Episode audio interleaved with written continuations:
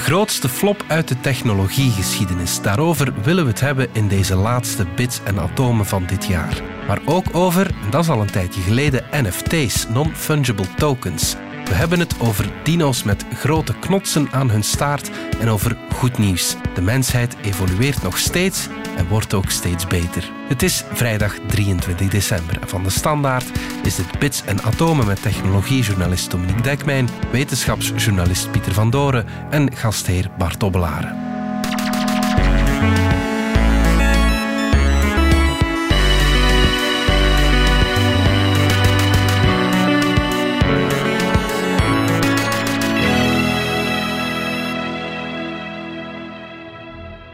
Dominique Dekmijn, onze filmrecensenten zijn ervan overtuigd als je een leuke film wil zien in de kerstperiode, dan moet je de nieuwe Avatar gaan zien. En die is natuurlijk in 3D en dat doet mij denken aan de vorige Avatar uit 2009 was het denk ik.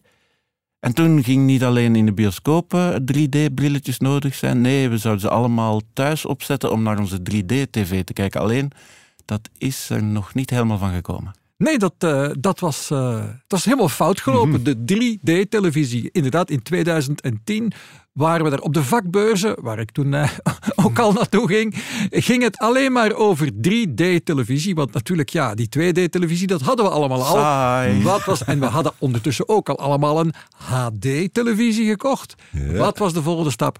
Dat lag voor de hand. Iedereen zou een 3D-televisie hebben. Die televisies begonnen de winkel al binnen te komen. Je kon geen elektronica-winkel binnengaan of ze... Een verkoper greep je vast om je de 3D-televisies te, te demonstreren.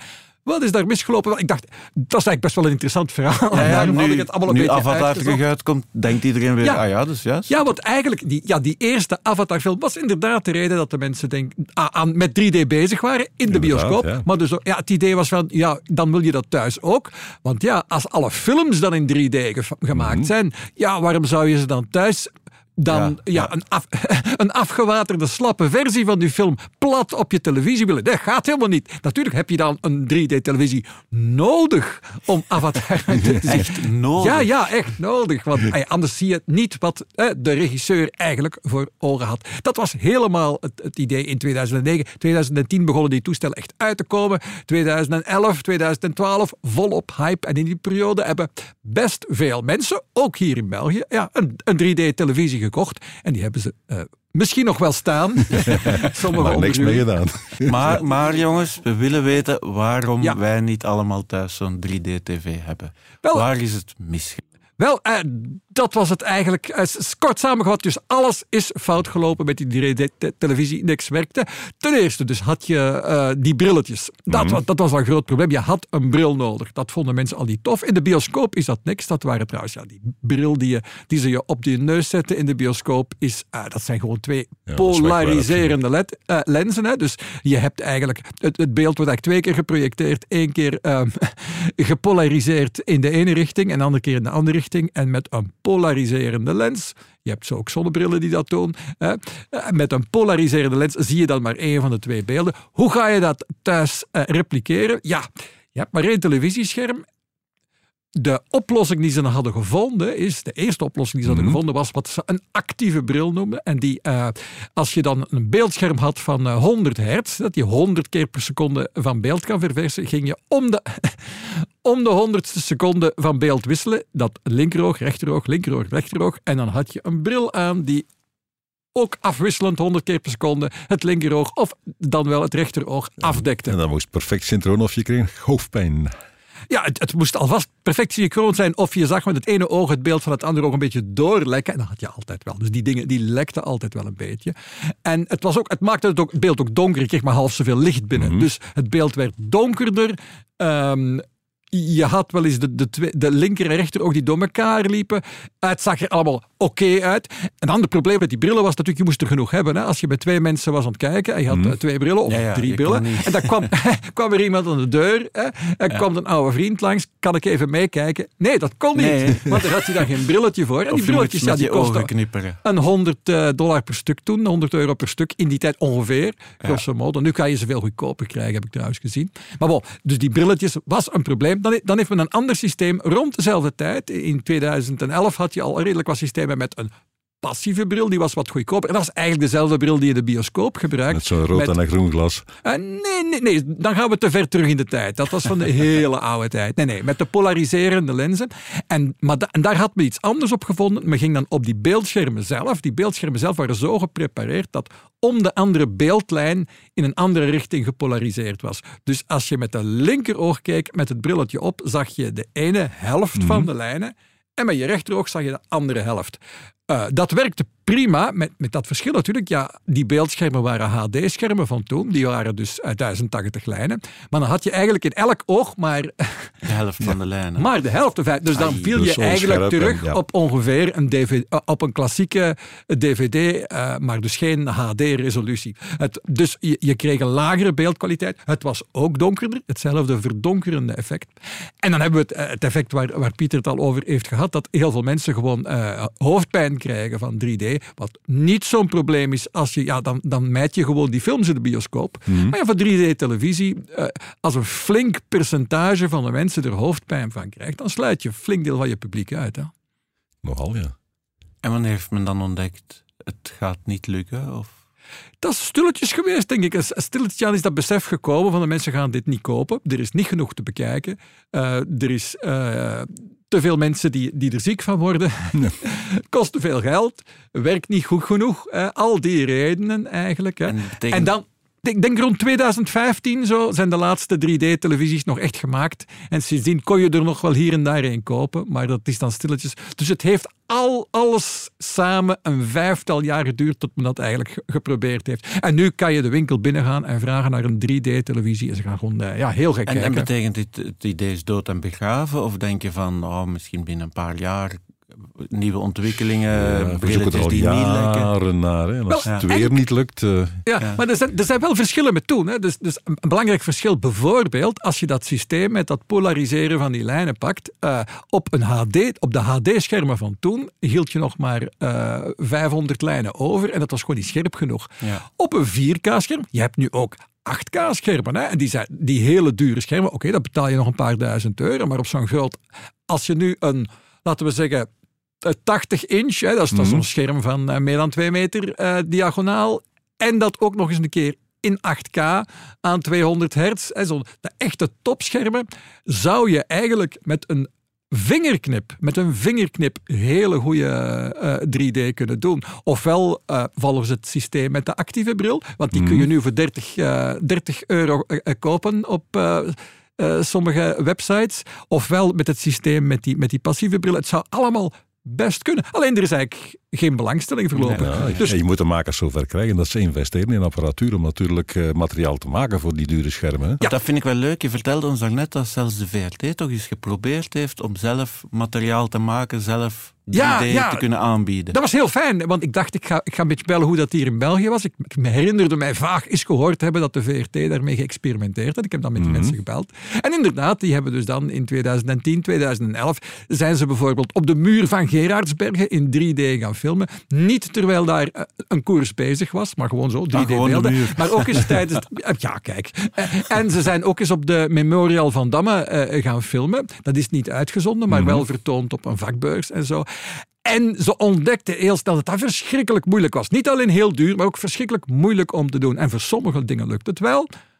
Maar heeft het weinig meerwaarde? Voor sommige dingen gaat het echt fantastisch en voor andere dingen werkt het helemaal niet. Hè. Dus voor een gewone ja, eh, een nieuwslezer die, waar dat je kunt, kunt zien dat hij op een meter voor het scherm achter hem staat, of dat, dat de meerwaarde is zeer klein. Ja. Eh, en als je daardoor ja, al, die, al, die, al die camera's in de studio's moet vervangen door nieuwe 3D en niet één signaal, maar twee signalen, op elk moment twee signalen tegelijk uitzenden, dat was ook een probleem. Veel meer gebruik van bandbreedte.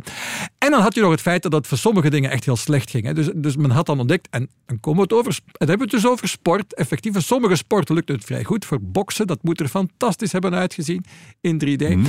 Maar bijvoorbeeld voetbal, eh, vertelde die man, maar dat zag er belachelijk uit. Want ja, je hebt natuurlijk op een, op een groot scherm in de bioscoop, heb je wel wat ruimte in 3D. Hè? Dus die, die, die objecten kunnen wel eens een keer uit het scherm naar voren komen, een paar metertjes. Of anders virtueel dan. Hè? En Ja, of ze kunnen ja. tot ay, toch een flinke afstand achter het scherm. Je hebt eigenlijk best wel wat volume in Mhm. 3D. Op televisie is dat echt vrij klein. Hè? Die, die dingen konden eigenlijk maar een klein beetje uit het scherm naar voren komen. Maar wat je bij de voetbal kreeg, was gewoon in de verte mannetjes die er dan echt lilliputtertjes uitzagen, zag je daar rondlopen. En dat gaf helemaal niet dat majestatische 3D-gevoel Ja, dat ja. een film van zat Avatar daar plots geeft. boven in de tribune op de slechtste rij. Ja. De, de, de voetballetjes zagen er gewoon belachelijk klein uit. En wielrennen was niet in beeld te brengen. Dus voetbal zag er heel slecht uit. Wielrennen eh, Dan moet je het niet was doen, niet te Nee. filmen. Ja, Dus dan- niemand dan- koopt zo'n tv. Alvast in Vlaanderen ja. koopt niemand dan eh, zo'n 3D-televisie. Oké, dankjewel Dominique. We gaan nog even onze aankoop van de 3D-tv stellen.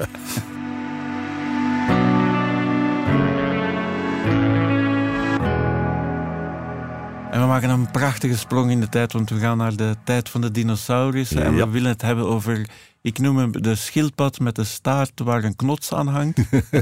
maar het heeft een wetenschappelijke Ja, naam. wetenschappelijk heet die Ankylosaurus. Het is een bekende eigenlijk. Het is een bekende, hè. zo'n eh, laag op zijn poten, heel breed. Een tank eigenlijk. ja, eh, met een goede zwaar knots. gepantserd en aan die staart een eh, enorme Ja. benen eh, knots eh, waar je toch wel eh, goede meppen kon mee uitdelen. Ze hebben onlangs geprobeerd om te kijken of die staart zelfs niet eh, supersonisch was, maar dat was toch niet zo. Zo- Dat was hij door de geluidsmuur kon, of wat Ja, bedoel ja, je daarmee? Zoiets, ja. maar dat lukte toch niet. Nee, hij was Maar gewoon goed. heel sterk. In eh, 2014 in eh, Montana, dat is de plaats in Amerika waar ongeveer alle dinosaurussen vandaan kwamen, waren ze aan het opgraven, hadden ze weer een eh, Tyrannosaurus gevonden. En ze moesten de laag grond erboven wegscheppen met een bulldozer. En toen in één keer bleek in een groot blok dat ze aan het wegscheppen waren, dat daar de, ook botten uitstaken, was de kop en de staart van wat ja, duidelijk een of ander ankylosaurus was. Dus die hebben ze netjes opzij gezet. Het blok was 15 ton. En hebben ze een paar jaar aan gepikt om eh, het beest eruit te krijgen. Maar toen, al, toen ze de kop zagen, wisten ze al: hey, dit is een speciale, die kennen we niet. Het is waarschijnlijk een nieuwe soort van ankylosaurus. En eh, toen ze dan verder begonnen te, te pikken, was dat inderdaad zo. Die hebben ze dan Zool Crurivastator genoemd. En Zool kun je kennen, dat is een van de monsters uit eh, Ghostbusters.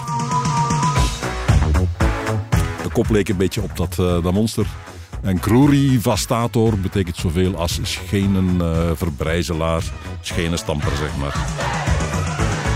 En ja, hij lag bovenop die eh, Tyrannosaurus en men dacht, ja, die knots dient vooral voor dit soort Voor, eh, gevechten. om de als, als er zo'n T-Rex eh, afkomt, ja. geef je hem een goede map tegen zijn schenen en die, komt gaan onderuit. keer. Die komt niet meer terug. Ja. Dat was de bedoeling. Maar toen ze verder begonnen te bikken, kwamen ook van die huidplaten, die panzerplaten vrij rond zijn heupen. En elke plaat bij dit beest had een soort pin, een beetje zoals zo'n Duitse pinhelm. Ja, ja, ja. Alleen in het gebied van, van de heupen waren die, die helemaal verbrijzeld en ingedeukt en nou, dat zag er niet goed uit. Ja. En bovendien, eh, het waren wonden die geheeld waren, dat kon je ook zien. En ze waren in verschillende stadia van heling. Dus het was niet dat hij oorspronkelijk tegen de deur gelopen was of zo. Hij moet Hij herhaaldelijk een- daar een goede map gekregen hebben. Ja, ja. Dus toen zijn ze beginnen denken, hé, hey, wacht even. Dit is op de hoogte van de staarten van een ankylosaurus. Die hebben gewoon ehm, Ruzie met gehad. elkaar ruzie gehad. Hebben elkaar eens eh, goed ertussen gepakt. Dus het zou wel eens kunnen, heeft men dan gedacht. Van, eigenlijk dient die staat niet zozeer als verdediging tegen een T-Rex en zijn maatjes. Maar eerder om onderling ruzie te maken. En zoals dat in veel diersoorten gaat, eh, de gevechten Ja, voor de vrouwtjes, hè, geweien tegen elkaar en knots, dat soort dingen. Dus ja, het woord knots was daar niet gek. En men neemt nu aan dat uh, ankylosaurussen dus eigenlijk een staart vooral gebruikten voor onderlinge gevechten. Wat niet wil zeggen als een T-Rex langskomt, dat hij toch wel... ja, nogal.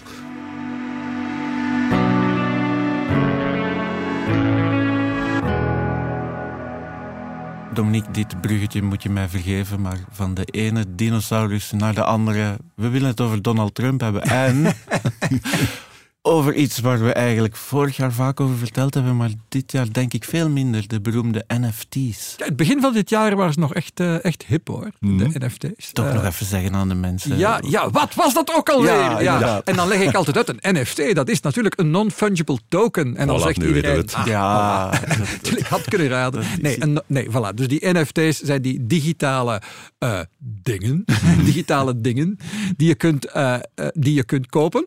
En verkopen. En de bedoeling is dat je ze koopt en dan eh, verkoopt met winst. Ja, Want ze eigenlijk zijn verkoop je niet eens de dingen, je verkoopt alleen het eigendom van de dingen. Ja, Dat is eh, het ja, proces. digi- het is, ah ja, het is het, iets cryptografisch, het is een cijfer eigenlijk. Ja, maar je komt toch ook een overwinning van Wout van Aert in de ronde van Ja, ja, ja, ja, Frankrijk ja. kopen. Dus, dat, ja, voilà. En dus was je kunt eigenlijk, eigenlijk nee, het, om, om precies te zijn, d- eh, dus een, een, een non-fungible token is eigenlijk een soort munt, eh, Mhm. maar die uniek is. En je kunt dus inderdaad iets uniek maken. En je kunt Mhm. vooral, en dat is de kern van het hele NFT-verhaal, bewijzen dat het van jou is, want dat is ergens publiek vastgelegd. Mhm. Pieter van Doren is eigenaar van NFT nummer zoveel. Daar kan dan eender wat eigenlijk, want dat is een soort digitaal contractje. Dan kunnen we zeggen van, ja, dat betekent dat hij dit beeldje, dit tekeningetje, dat dat alleen van hem is, dat hij dat mag reproduceren, of misschien ook niet, dat hij het mag doorverkopen, dat als je het doorverkoopt er misschien naar de oorspronkelijke auteur nog wat teruggaat. Dat kan eigenlijk van alles Ja, afgesproken hij kan worden. eigenaar zijn van de Gulden Sporenslag. Eh, ja, dat zou ik kunnen zeggen. Als, ik, zou, ik zou bijvoorbeeld kunnen zeggen, inderdaad, ik maak een reeks NFT's van grote historische gebeurtenissen. En ik zeg bijvoorbeeld, voilà, je kan eh, de slag bij Waterloo en de Gulden Sporenslag als NFT kopen.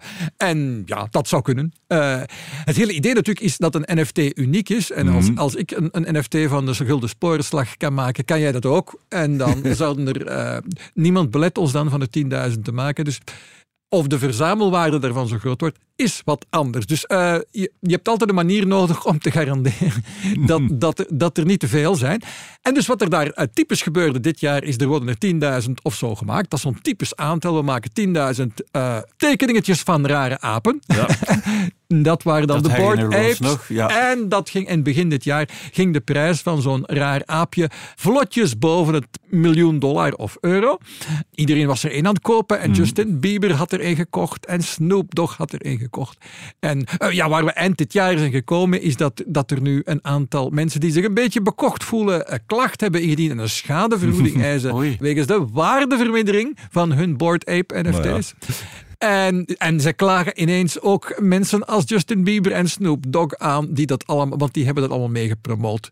Als je vroeger de prijs van een klein huis had betaald, is het nu de, de prijs van een flinke wagen. Zo werkt dat. Maar op zich hebben die, die Bored Apes eigenlijk al bij al nog niet zo slecht gedaan. Maar nu moet je vertellen wat Donald Trump Ja. ermee te maken heeft. Wel, voilà, je dacht, die is helemaal te laat. Die komt nu in december 2022 af met, ah, ik heb ook een NFT.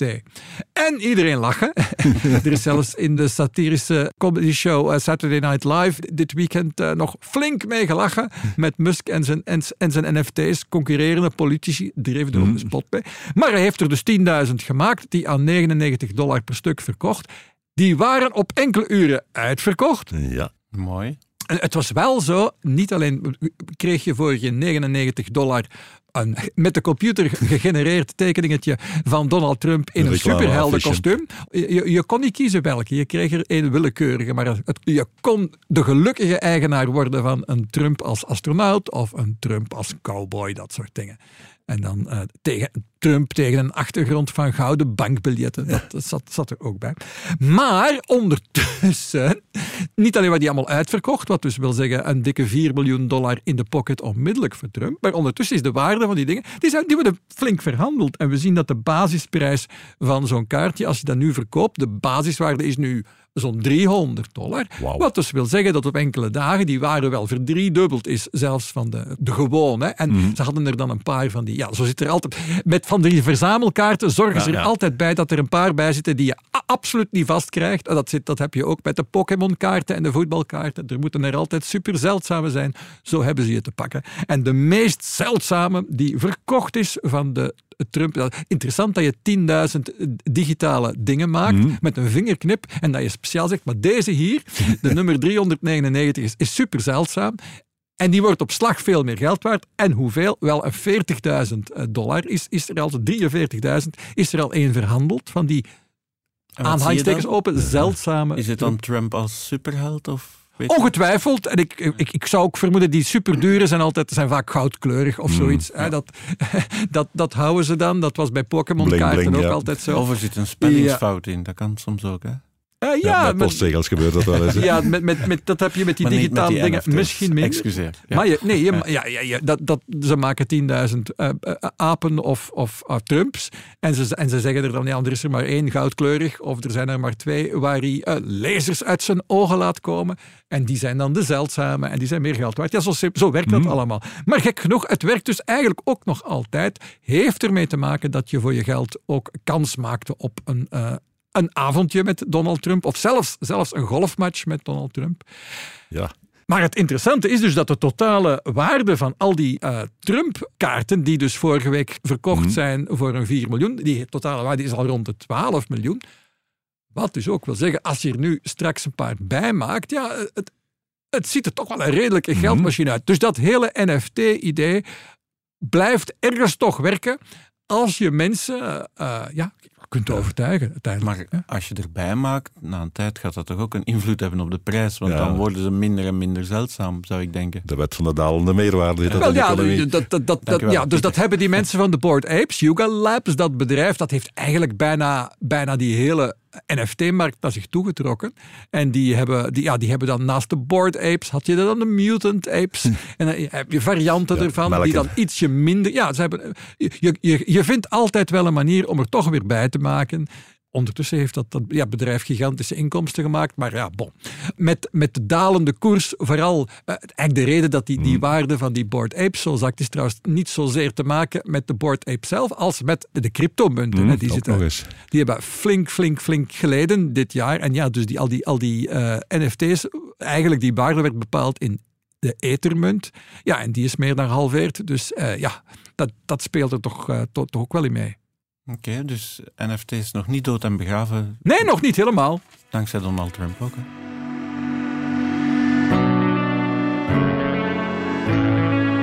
We gaan er even tussenuit voor reclame. Ik ben Elke van Mello, radiostem en actrice. Hoewel ik in mijn job altijd mijn hart volg, moet ik als zelfstandige soms ook rationele keuzes maken. Dus rij ik met een plug-in hybride van Mercedes-Benz. Ik verbruik minder, rij vaak volledig elektrisch en fiscaal is het gewoon mijn beste optie. Dus slim gekozen, maar toch ook met het hart.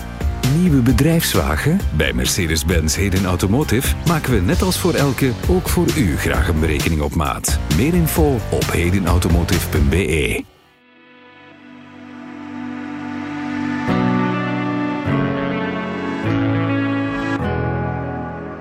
Niet dood en begraven is de mensheid, Pieter. Nog En- niet. Want ik wil graag eindigen met goed nieuws. We evolueren nog altijd. En Ja. ik ga ervan uit dat we dus steeds beter worden. Ja, dat is natuurlijk de vraag. Vertel. We gaan ergens naartoe, maar niemand weet waarheen. nu, men denkt wel eens eh, evolutie, ja, dat is goed voor allerhande dieren en planten, maar wij mensen, eh, wij staan daarboven. Wij hebben nu culturele evolutie, wij hebben geneeskunde, wij evolueren niet meer, wij zijn de mensheid. Eens Ja, dat ja. we de chimpansee vaarwel hebben gezegd, was het afgewerkt. Was het over zoiets, ja. Ja, Eh, ja. nee, dat is, we zijn niet helemaal aan het einddoel toch, als je gaat eh, kijken. Chimpansee, dat is zo'n eh, ja, een 6 miljoen jaar geleden zijn we daar eh, van eh, weggestapt stilletjes aan. En sindsdien is er toch wel wat gebeurd. Zijn we toch wel eh, blijven eh, evolueren als je het zo oplijst. Wij hebben bijvoorbeeld, wat chimpansees en andere grote apen niet hebben, wij hebben de fijngreep. Wij kunnen met onze duim onze wijsvinger aanraken. En dat betekent dat we fijn eh bewegingetjes kunnen doen. Wij zijn het enige dier dat met zijn duim zijn pink kan aanraken. De mannen bij ons hebben nog nauwelijks hoektanden. Kijk naar een gorilla, die heeft eh, van die heel, een heel agressief gebit. Bij ons, bij de mannen, is dat eh, verdwenen. Ook bij de vrouwen eh, zijn er dingen verdwenen. Wij zijn de enige diersoort waar je niet kunt zien het moment waarop een vrouw vruchtbaar is. Ons hersenvolume is maal drie gegaan sindsdien. Terwijl het geboortekanaal bij de vrouwen geslonken is. Dus daar hebben we ook een nieuw evenwicht moeten zoeken. Allemaal dingen die eh, gebeurd zijn in de, de jongste 6 miljoen jaar. Nu, van de andere kant, ik heb geneeskunde ook al vernoemd, eh, er zijn dingen die inderdaad niet meer evolueren zoals bij andere dieren. Ooit was het van belang dat je bestand was tegen pokken. Er zijn geen pokken niet meer. Dus eh genen die je helpen tegen pokken zijn voor zijn natuurlijke selectie niet meer totaal niet meer van Ja. belang. Nu, bijvoorbeeld de landbouw, dat is 12.000 jaar geleden, dat is toch heel recent, maar die heeft ook weer voor een hele reeks veranderingen in onze genen gezorgd. Op dit moment is, de, is er een gen, een eh, lactose-tolerantie bezig om zich te verspreiden. Mensen eh, normaal, zolang ze baby zijn, kunnen ze moedermelk drinken. Nadien eh, verteren ze melk slecht. Eh, ze geven daarop over. Ze krijgen dan maagstoornissen van. Volwassenen normaal kunnen geen melk meer verteren. Maar sedert wij de landbouw hebben en wij koeien zijn beginnen gebruiken, waren er mensen die ja, per, puur per toeval beter bestand waren tegen eh, melk en ook als volwassenen nog steeds melk konden drinken. Wij hebben allemaal dat gen. Wij kunnen allemaal, behalve hier en daar is een uitzondering, kunnen wij de melk, Melk, drinken. ja. En dat gen is de wereld aan het veroveren. Verbruik van eh, granen is pas begonnen met de landbouw. En we hebben dus ook weer een eh, gen dat zorgt dat wij gemakkelijker het zetmeel uit granen kunnen verwerken. Dat is ook, eh, maar dat heeft bijna de hele wereld ondertussen, maar dat is een gen dat, dat bezig is. Ja, en dat ja, is van de lang, jongste 12.000 jaar. Ja, er zijn er zelfs nog recenter. Hè? Bleke huid, blauwe ogen, die zijn maar ja, minder dan 20.000 jaar oud. Hebben we voor een deel gekregen toen we uit Afrika, waar de zon sterk scheen, naar het noorden gingen, waar de zon veel minder scheen. En waar we dus eh, te weinig zon kregen om nog voldoende vitamine D te maken. Een blekere huid zorgde ervoor dat we meer zonne-energie binnenkregen. Maar daar is waarschijnlijk ook een ehm, seksuele selectie aan de gang geweest. Eh, mensen die bleek waren, ja, waren toch op een of andere manier beter, lagen ja. goed in de markt. eh, gentlemen prefer blondes, eh, dat soort eh, effecten. Maar ik had mij ook laten vertellen dat de adel was, had een bleke huid, want Ook die dat, ja. zaten altijd binnen, want die waren rijk. En de boerkes En de land zaten buiten en die waren waren bruin. En dus in die ja, tijd minder waard. ging je ja, niet ja, onder ja, de ja. zonnebank, want dat was teken dat je... Ja. Dat, eh, Denk aan Sneeuwwitje. voilà. Ze was van adel, ze was schitterend omdat ze zo bleek was. Ja, ja. Ze heeft haar naam aan eh, te danken. Nu, al wat ik nu al genoemd heb, zijn allemaal genen die al aanwezig waren en waar wij aan gepeuterd hebben, die we bijgestuurd hebben, die we veranderd hebben in de richting die voor ons nuttig was. Mhm. Maar wat is nu het eh, nieuws van eh, deze week? Er zijn mensen die eh onze heel genoom, tegenwoordig kun je het hele genoom van mensen tamelijk goed aflezen, Ja. alle genen, hebben dat eens op een rijtje gelegd en hebben dat eens vergeleken met de genen van bijvoorbeeld chimpansees, orang-oetangs en ook andere diersoorten. Om dan te gaan kijken welke genen zijn er allemaal getweakt bijgestuurd. Ja. Maar vooral zijn er nieuwe genen ontstaan sedert we van de apen weg zijn.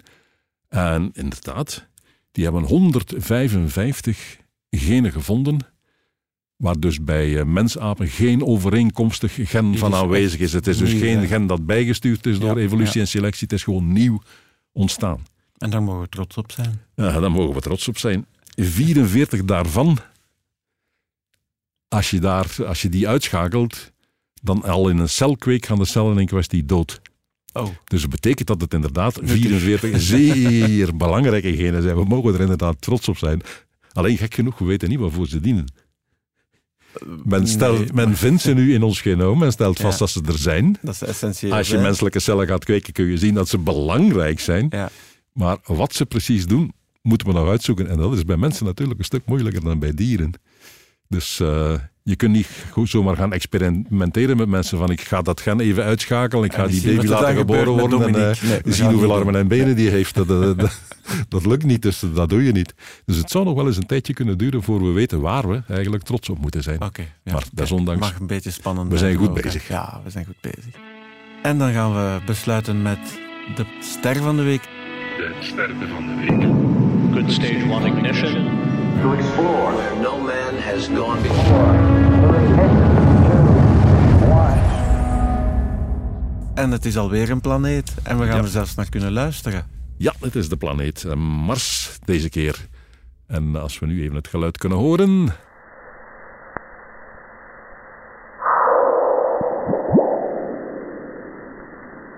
Eh, de eerste tik die je hoorde, dat was een me- meteoriet die de atmosfeer van Mars eh, binnenkwam. Dan even nadien krijg je de explosie, die meteoriet spat uit elkaar. En dan de blub die je hoort, is de rest die inslaat op de grond. Dus je hoort eigenlijk het hele gebeurtenis van een meteoriet die, die die Mars binnenkomt en een krater maakt. We gaan het eventjes nog eens laten horen. Ja. Hè?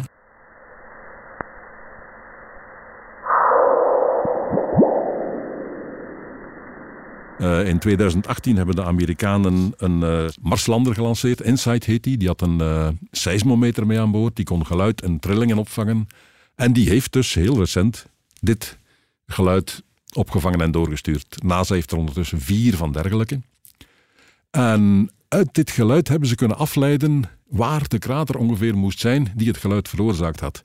Die seismometer kreeg geluidsgolven binnen via de oppervlakte van Mars, via de lucht. Kreeg ook golven binnen die wat dieper door Mars gegaan waren en wat later arriveerden. En uit de timing van hoe, wanneer die verschillende geluiden binnenkwamen, kon je afleiden hoe ver van de seismometer vandaan het allemaal gebeurd was. Uit de polarisatie van dat signaal kon je nog het een en ander afleiden. Uit de golfsterkte kon je gaan afleiden hoe groot die krater ongeveer moest zijn. En ze hebben rond Mars ook een paar satellieten zitten met eh, camera's en daar zijn ze gaan zoeken. Van op die afstand van waar onze seismometer zit, was daar ergens een inslagkrater die we vroeger niet zagen en die er nu wel is. En als je dan beelden van vroeger en nu ging vergelijken, dan zag je, ah ja, verdek, daar is hem. Ja. Er was er eentje bij, de grootste was 150 meter in diameter, 21 meter diep. En de brokstukken waren tot 37 kilometer ver weggespat. En daar zaten hele grote rotsblokken van ijs bij. Dat kon je op de foto zien, dat ijs eh, ligt heel wit op. Dus ja, het, eh, toch wel eh, spectaculair allemaal. Heel jammer. We eindigen met slechts nieuws. Nee, dat heb ik niet graag, Pieter, maar kijk, je mag. Insight, dus die, die lander met zijn seismometer, die staat er ondertussen ja, vier jaar. En die is langzaam onder het stof eh, gaan eh, ja. liggen. In eh, april van dit jaar heeft hij voor het laatst een selfie van zichzelf doorgestuurd. En die die zit helemaal onder de modder, bij manier van spreken. Wat betekent dat zijn zonnecellen nog nauwelijks licht vangen? Ondertussen heeft men alle andere toestellen op dat ding al uitgeschakeld. Alleen die seismometer mag nog eh, signalen doorgeven. Om toch maar die laatste druppeltjes energie nog te kunnen gebruiken. En men gaat ervan uit dat binnen één, twee weken, waarschijnlijk nog dit jaar en anders net na nieuwjaar, dat het eh, einde verhaal is dat hij gewoon geen energie meer Dus zal we hebben. moeten wel snel naar Mars om hem... Ja, we zouden dus nieuwe batterijen Ja. moeten gaan insteken of poetsen. Van batterijen gesproken, dit is een voorbeeld waar we het vorige week over, ook over gehad hebben. Dat het soms beter is van een batterij mee te nemen dan eh, zonnecellen. Ja, ja. Die eh, plutoniumbatterijen en die americiumbatterijen. En nu we het daar toch over hebben, een luisteraar heeft ons even eh, gemeld dat ik nogal slordig geweest ben in het beschrijven van die batterijen. Ik had het over splijting en eigenlijk moet ik het woord verval gebruiken. In dit geval, daar zijn technische redenen voor. ja. Mechanisch is dat ongeveer hetzelfde, maar goed, verval is een preciezere beschrijving van wat zo'n batterij doet. Ik heb nog een geluidje van een meteoriet voor jullie.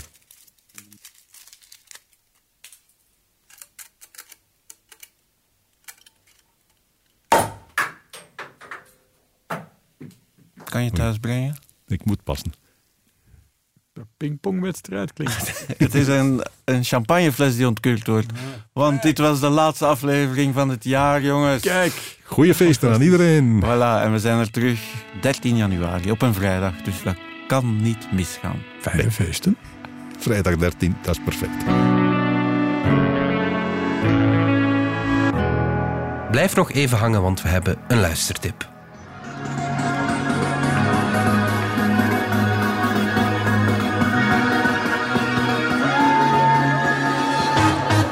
Ik sta op de dansvloer helemaal van voor. Ik zie de DJ's. Ik zie mijn vrienden links en rechts van mij. Ik voel euforie. Ik voel de muziek. Ik voel de liefde van de mensen rondom mij. En ik voel heel veel liefde voor hen. Ik dans. Ik dans. Ik dans met mijn hand over mijn beker. Ik voel mij niet op mijn gemak. Ik ben iedereen de hele tijd aan het screenen. Wie er voor mij en achter mij staat. Achter heb het gevoel dat ik mezelf aan het inhouden ben in wie ik ben.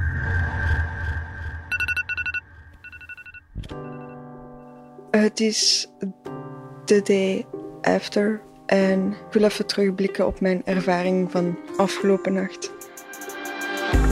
In de volgende afleveringen van Klaar Wakker zoekt Cubra een antwoord op de vraag hoe kan het nachtleven veiliger zonder de losbandigheid te verliezen? Te beluisteren in de app DS Podcast of je favoriete podcastplatform.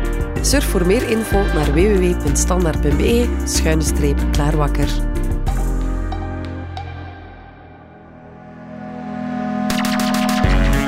Dit was de laatste Bits en Atomen van dit jaar. Uw wekelijkse podcast over wetenschap en technologie. Bedankt voor het luisteren. We wensen u natuurlijk een mooie kerst- en nieuwjaarsperiode. We zijn er terug op vrijdag 13 januari. Volg Bits en Atomen via je favoriete podcast-app, de app DS Podcast of op standaard.be-podcast. Daar vind je ook alle credits van de podcast die je net hoorde. Reageren kan via podcast.standaard.be. Tot volgend jaar.